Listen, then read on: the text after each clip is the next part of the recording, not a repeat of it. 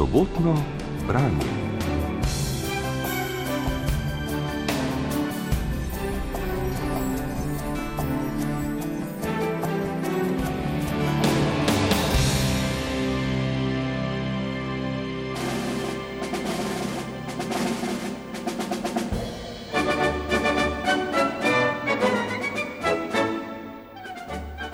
Avstrijski pisatelj Jozef Roth v romanu Radeckijeva koračnica zarisuje portret treh generacij družine Trota na ozadju razpada avstro-ogrske monarhije, ki jo že v času pred Prvo svetovno vojno pretresajo vedno močnejša nacionalna in socialna gibanja, smrtjo dolgoletnega cesarja Franca Jožefa in koncem Prve svetovne vojne pa dokončno izgine z evropskega zemljevida.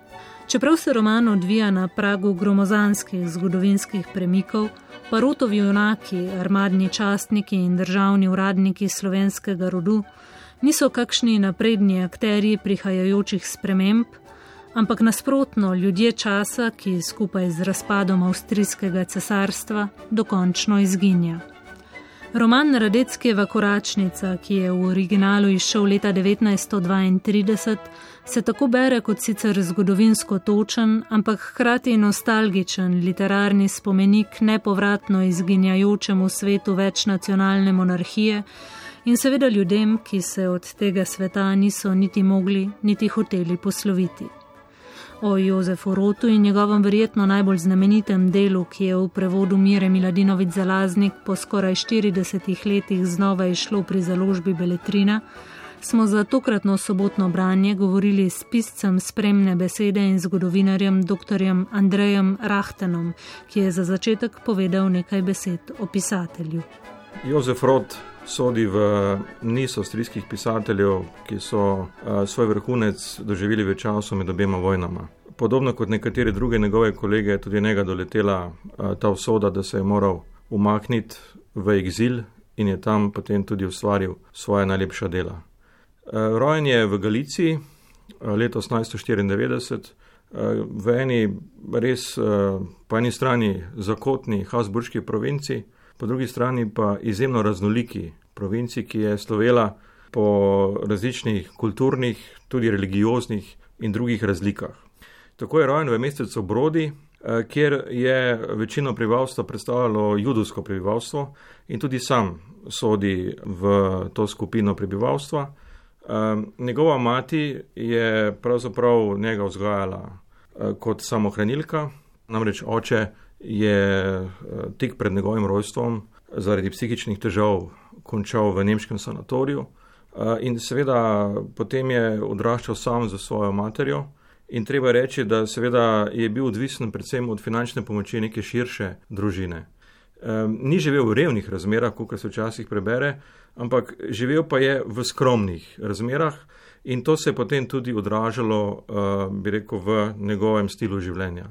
Nekako se je, ker je bil odličen uh, dijak na gimnaziji, se je kazalo, da bo lahko kompenziral to, bi rekel, svoje skromno življenje z uspehi na področju šolstva. Vendar tako na Lvovski univerzi, kot tudi na univerzi na Dunaju ni bil uspešen. In uh, potem je izbruhnila prva svetovna vojna in tudi njega udela v uniformo cesarske in kraljeve armade. In uh, šele po prvi svetovni vojni se pa potem začne tudi ta njegova novinarska karijera, uh, ki je bila v bistvu njegov izvirni poklic, ki jo je potem vse skozi nekako uspešno kombiniral tudi z pisateljskim življenjem.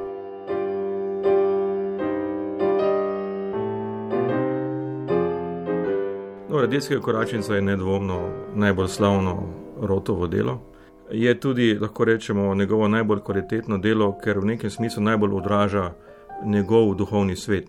Ko rečemo njegov duhovni svet, se moramo zavedati, da je zanj bila pravzaprav domovina Habsburška monarhija. In čeprav takrat, ko je začel ustvarjati kot pisatelj, ni več te države bilo na zemljevidu, je treba ugotoviti, da je vse skozi neko nostalgijo gledal nazaj. Pri tem je treba podariti, da je ta nostalgija bila pa vse skozi prepletena z njegovim odličnim poznavanjem takratnega dogajanja.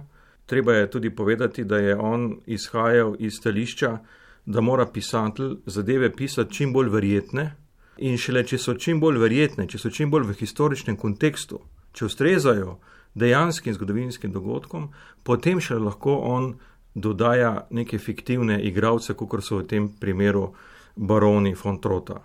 Baroni von Trota, seveda na prvi uh, zvok, a ne človek pomisli, da gre še pač še za eno nemško plemiško rodbino, ampak ne. Pri Rotu je zanimivo to, da se je odločil, da posveti to družinsko sago družini, ki je slovenskega porekla.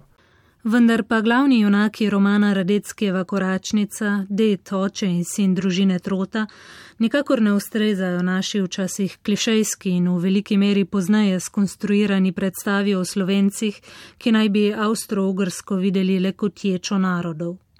Prav nasprotno, Trotovi so ne le izjemno zvesti podaniki cesarja Franca Jožefa, ampak tudi scela zavezani celotnemu duhovnemu svetu, ki ga ta pooseblja, pa čeprav se ta svet skozi roman vedno bolj krha in bliža propadu. Kako je Jozef Rod slovence uporabil kot neke vrste simbol lojalnosti monarhiji, pripoveduje Andrej Rahten.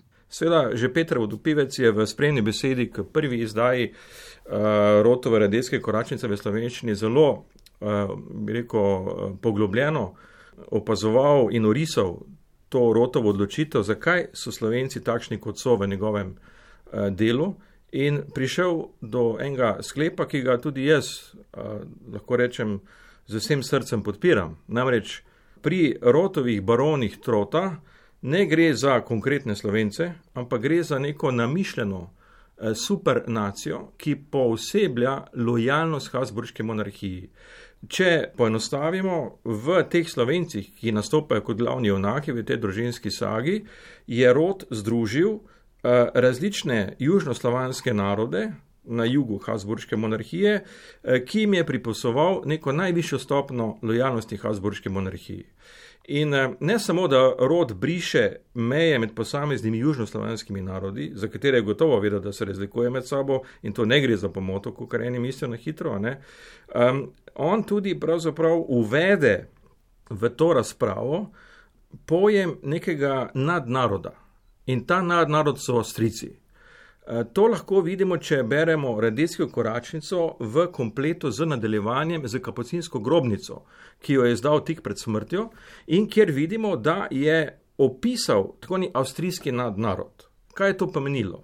Torej, ti si lahko bil slovenec, hrvat, tudi nemec, eh, mačar, če hočete, rusin, ukrajinec, ampak hkrati si bil tudi avstrijec, kot neke vrste nadnarod. Zdaj, seveda, drugo vprašanje je, kako je v tistem času resnično ta ideal, kot ga vidi rod, eh, bil potem tudi uresničen v vsakdanjem življenju. Ampak zdi se, da ravno armadni časniki in uradniki, eh, ki so glavni junaki v rotovi knjigi, najbolj ustrezajo temu idealu neke super lojalne, super nacije, eh, ki je v tem primeru poimenovana kot Slovenci. Radeckeva koračnica tako po eni strani izžareva rotovo hrepenenje po že izginuli večnacionalni državi, ki je verjetno toliko bolj razumljivo v luči uspenjajočega se nacizma, ki ga je srednjeevropski prostor doživel v naslednjih desetletjih. Po drugi strani pa se zdi, da je pomemben del romana namenjen čisto vsakdanjemu življenju glavnih junakov, ki tudi v tem oziru živijo v resnično oddaljenem, nam precej tujem času, določenim zelo drugačnimi odnosi, pravili in navadami. Skozi mnoga poglavja tako sledimo predvsem odnosu med Francem, okrajnim glavarjem, ter njegovim sinom Karlom Jozefom, armadnim časnikom in najmlajšim potomcem družine Trota, ki se za razliko od svojega deda, velikega junaka, ki je rešil življenje samemu cesarju, ter svojega očeta, uspešnega uradnika in okrajnega glavarja, v svoji vojaški vlogi ne znajde prav dobro, ter na koncu zabrede celo v alkoholizem in dolgove, zaradi česar mora njegov oče prositi za milost pri samem cesarju. Kako rod skozi življenje družine Trota zarisuje vsakdanje svet avstro-ogrske elite, razlaga naš sogovornik. Moramo vedeti, da je osnova takratnega družbenega življenja v eliti spoštovanje hierarhije. In um, ne govorimo zdaj samo o armadnih časnikih. Ne? Kajti, če gledate, prvi junak in njegov oče sta bila oba časnika. Medtem ko pri odnosu Franc in Karl Jožef sta pa seveda uradnik in pa časnik. In uh, vidi se, da vse od rojstva se zelo spoštuje ta družinska hierarhija. Treba seveda tudi podariti, da postane seveda Franc odovec, ne? tako da tukaj spet vidite, se kaže ta uh, tragika, ki jo, ki jo rod upleta tudi v družinske uh, prikaze, tudi v tem primeru. In odnos med sinom in očetom je res en odnos stroge hierarhije. Ampak po drugi strani, ne, pa ravno ta audienca pri cesarju kaže, kako je oče, ne, kljub temu, ne, da je pravzaprav vedel, da je njegov sin zabredel v dolgove, da je vedel, da je prekršil, bi rekel, neke, nek moralni kodeks, po katerem živijo ti trote od vsega začetka, če hočete. Ne. Ampak se vsem toliko bil pripravljen ponižati, ne, da je šel prositi milosti za svojega sina. Torej, se prepleta eno ustrajanje pri strogi disciplini, strogi hierarhiji, ki mora veljati tudi v družini, zato sin, bi rekel, s takim strahospoštovanjem naslavlja očeta. To vidimo tudi recimo pri prizoru kosila, ko pride sin na obisk očetu. Kako je to vse pravzaprav disciplinirano, kako je vse, eh, točno se ve, eh, kaj se bo jedlo, kako se bo jedlo, eh, kakšen je protokol. Pa gre eh, relativno za, za ne ravno visoko meščansko okolje, ampak tudi za to okolje, ker je v krajni glavar, bi rekel, glava družine, velja nek strok protokol. Ampak, vidite, se pa tudi ta strok protokol potem meša z to očetovsko ljubeznijo, ki pride do izraza v tej prošnji cesarju, da naj poskrbi za njegovega sina. Kot pripoveduje Rahten, pa je prav ta prizor tudi eden od vrhuncev romana Radeckijeva Koračnica. Highlight te knjige je, vsaj po mojem mnenju, audienca okrajnega glavarja Franca pri cesarju Franca Jožefu. E, če berete ta upis, torej od tega, kako se okrajni glavar ne, pripravi, kako gre na Dunaj, kako mu uspe v relativno kratkem času doseči audienco pri cesarju. In potem, ko gledate ta dialog med cesarjem in okrajnim glavarjem, ne, ko prosi za milost za svojega sina, eh, to so, po mojem mnenju, res najbolj presunljivi deli romana, ki eh, pa zelo lepo opisujejo, kako je izgledala ta, ta odnos. Torej, uradnikov, kot je bil Fontrota, do cesarja in monarhije. In seveda, ko vidite vse te vrednote, kvalitete, ki glavni junaki zastopajo, potem si lahko tudi predstavljate, kako je videl tudi rod, hierarhijo vrednot v državi, ki takrat, ko je on o tem pisal, že izginila iz svetovnih zemljevidov. Prav to izginjanje sveta, na katerega so glavni junaki Radeckijeve koračnice tako zelo navezani in ki ga simbolizira povsod viseča slika že ostarelega cesarja Franca Jožefa, pa je v resnici morda tisto, kar celoten roman in življenja glavnih junakov najmočneje preveva ter vse bolj nepovratno in tragično zaznamuje. Dejstvo je, da opazujemo pred sabo svet, ki izginja. In ti junaki, ki jih opisuje rod, so lahko rečemo zadnji predstavniki tega sveta, ki izginja. Zato je njihova tragika eh, tako očitna.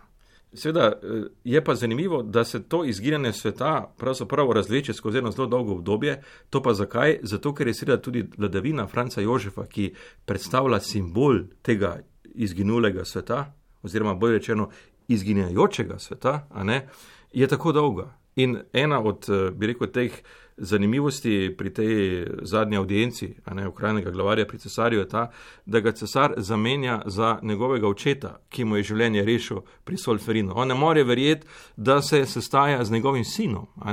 In uh, sta si res uh, tudi če gledamo, kako lepo opiše rod, tudi kako se obleče v krajni glavar zjutraj, ne? kako pazi na protokol, kako pazi na to, da pravilno pristopi k cesarju. Ne? Celo ta dvorni uradnik, skrbi za to, da obiskovalci pravilno pristopijo k cesarju, da so pravilno oblečeni, nima nobenih pripomb pri tem krajnem glavarju, kar ga mal čudi, ker so očitno vse te navade. Eh, ta protokol že nekako tudi del tega sveta, ki izginja. Ampak ne pri tem okrajnem glavarju. On še vedno živi v tem svetu, on še vedno zna ravnati skladu s tem protokolom. In seveda, ko prija do cesarja, ima on občutek, da govori z nekom, ki je njegova generacija. Pa vidimo, da je že vsaj naslednja, če že ne nekoliko naprej.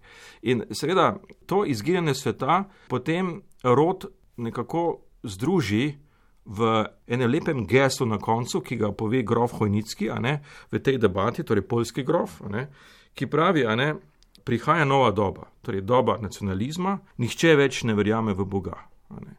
In resnično, ne, on takrat prizna, mi nismo več za ta svet.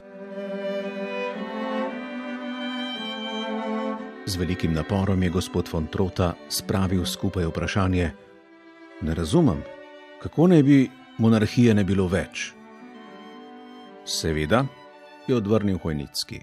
Dobesedno vzeto, obstaja še, imamo še vojsko. Grof je pokazal na poročnika in uradnike, grof je pokazal na okrajnega glavarja. To da razpada pri živem telesu. Razpada je že razpadla. Starec, posvečen smrti, ki ga lahko vsak nahod ogrozi, drži prestol, enostavno zaradi čudeža, da na njem še sedi. Kako dolgo še? Kako dolgo še? Čas nas ne mara več. Ta čas si hoče najprej ustvariti samostojne nacionalne države. V Boga se ne verjame več. Nova vera je nacionalizem. Narodi ne hodijo več v cerkve, hodijo v narodna združenja. Monarhija, Naša monarhija je osnovana na pobožnosti, na veri, da je Bog izbral Habsburžane, da vladajo nad toliko in toliko krščanskimi narodi. Naš cesar je svetski brat papeža, je njegovo cesarsko in apostolsko veličanstvo. Nobeno veličanstvo v Evropi ni tako odvisno od milosti Božje in vere ljudstev v to milost Božjo. Nemški cesar vlada, če ga Bog zapusti, še vedno, eventualno zaradi milosti naroda. Cesarja Avstro-Ogrske pa Bog ne sme zapustiti, ampak zdaj ga je Bog zapustil. Izgubljeni smo, vi in vaš sin in jaz. Mi smo, vam pravim, poslednji v nekem svetu, v katerem Bog veličanstva še dodatno obdaruje in norci kot jaz delajo zlato. Poslušajte, poglejte. In Hojnicki je vstal, stopil k vratom, obrnil stikalo in na velikem lestencu so se zasvetile luči. Poglejte, je rekel Hojnicki, to je čas elektrike, ne alkemije. Tudi kemije, razumete? Ali veste, kako se tej stvari reče? Nitroglicerin. Grof je vsak zlog izgovoril posamično. Nitroglicerin, je ponovil. Ne več zlato. V dvorcu Franca Jožefa pa često prižigajo sveče. Ali razumete? Zaradi nitroglicerina in elektrike bomo propadli. Sploh ne bo trajalo več tako dolgo, ne več tako dolgo.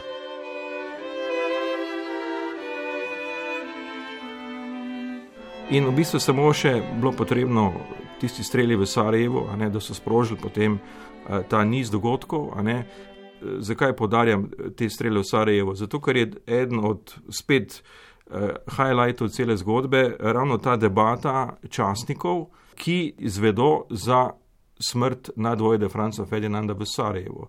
In tu se vidijo vsa ta nasprotja med posameznimi narodi v Habsburški monarhiji. On jih, torej rod, jih zna odlično um-, umestiti v uh, ta milje časnikov različnih narodov. Tako vidite, recimo, Mačari so skoraj dobre volje ob tem, ko umre njihov veliki politični nasprotnik, na drugi strani vidimo Slovence, Hrvate, ki so pa seveda ob tej smrti užaloščeni. Uh, tako da nekako, če, če gledamo uh, zaključek, finale te zgodbe, ne, je seveda presunljivo, ne, kako na koncu ostane ta uh, Franc Trota sam, ne, kajti on preživi tudi smrt svojega sina, ne, in kako tudi on ugotavlja, da je pravzaprav ostanek nekega izginulega časa. Prav v tem, kako Jozef Rod skozi svoje junake zajame resnično prelomnost takratnega zgodovinskega trenutka, kako zajame ta postopen, ampak povsem nepovraten izbris nekega sveta ter stisko ljudi, ki so v tem svetu in za ta svet živeli, pa je verjetno tudi največja kvaliteta romana Radeckijeva koračnica. Ob koncu razmišlja Andrej Rahten. Roto ne gre za to, da bi čisto besedno, faktografsko povzemal vse, kar se je dogajalo v tistem času. Njegov cilj je, da dogajanja prikaže čim bolj verjetno. To je bistvo pri njemu. Ne? On sebe ima, kot piše, za poznavalca in opazovalca, v končni fazi pa, eh, če pogledamo koncu, pa tudi za poročevalca. Torej, on se tako dobro uživi v tisti duh časa, ne, s svojim peresom, ne, če hočete, da ima človek občutek, da, da, da je on tam, torej, da je on resnično ne, vse to sam doživel, čeprav je bil še takrat premlad, ne, da, bi, da bi vse to sam doživel. In seveda tisto, kar, kar nam potem daje, kar daje vrednost, ko beremo to knjigo, ne, Uh, a veste, obstaja tisoč romanov, ki kot fiktivno opisujejo neke dogodke, ampak ko že prvi dialog vidiš, ti je tako jasno, da je vse skupaj napisano brez nekega širšega historičnega poznavanja. Ker je pač cilj, da se z nekimi, kaj rečem, provokativnimi vložki pritegne pozornost bralca. Rod nima nobene potrebe, da kakorkoli provocira, on enostavno samo poroča o tem, kako on vidi ta svet. In videl ga je resnično kot velik poznavalec. In to je vrednost radijske koračnice. Ne? Zato jaz moram odkrito povedati, jaz dam torej radijsko koračnico svojim študentom tudi kot, lahko rečemo, del neke literature, kajti včasih se zdi, da rod z svojim literarnim prikazom bolje ujame duh časa kot katerakoli znanstvena zgodovinska knjiga.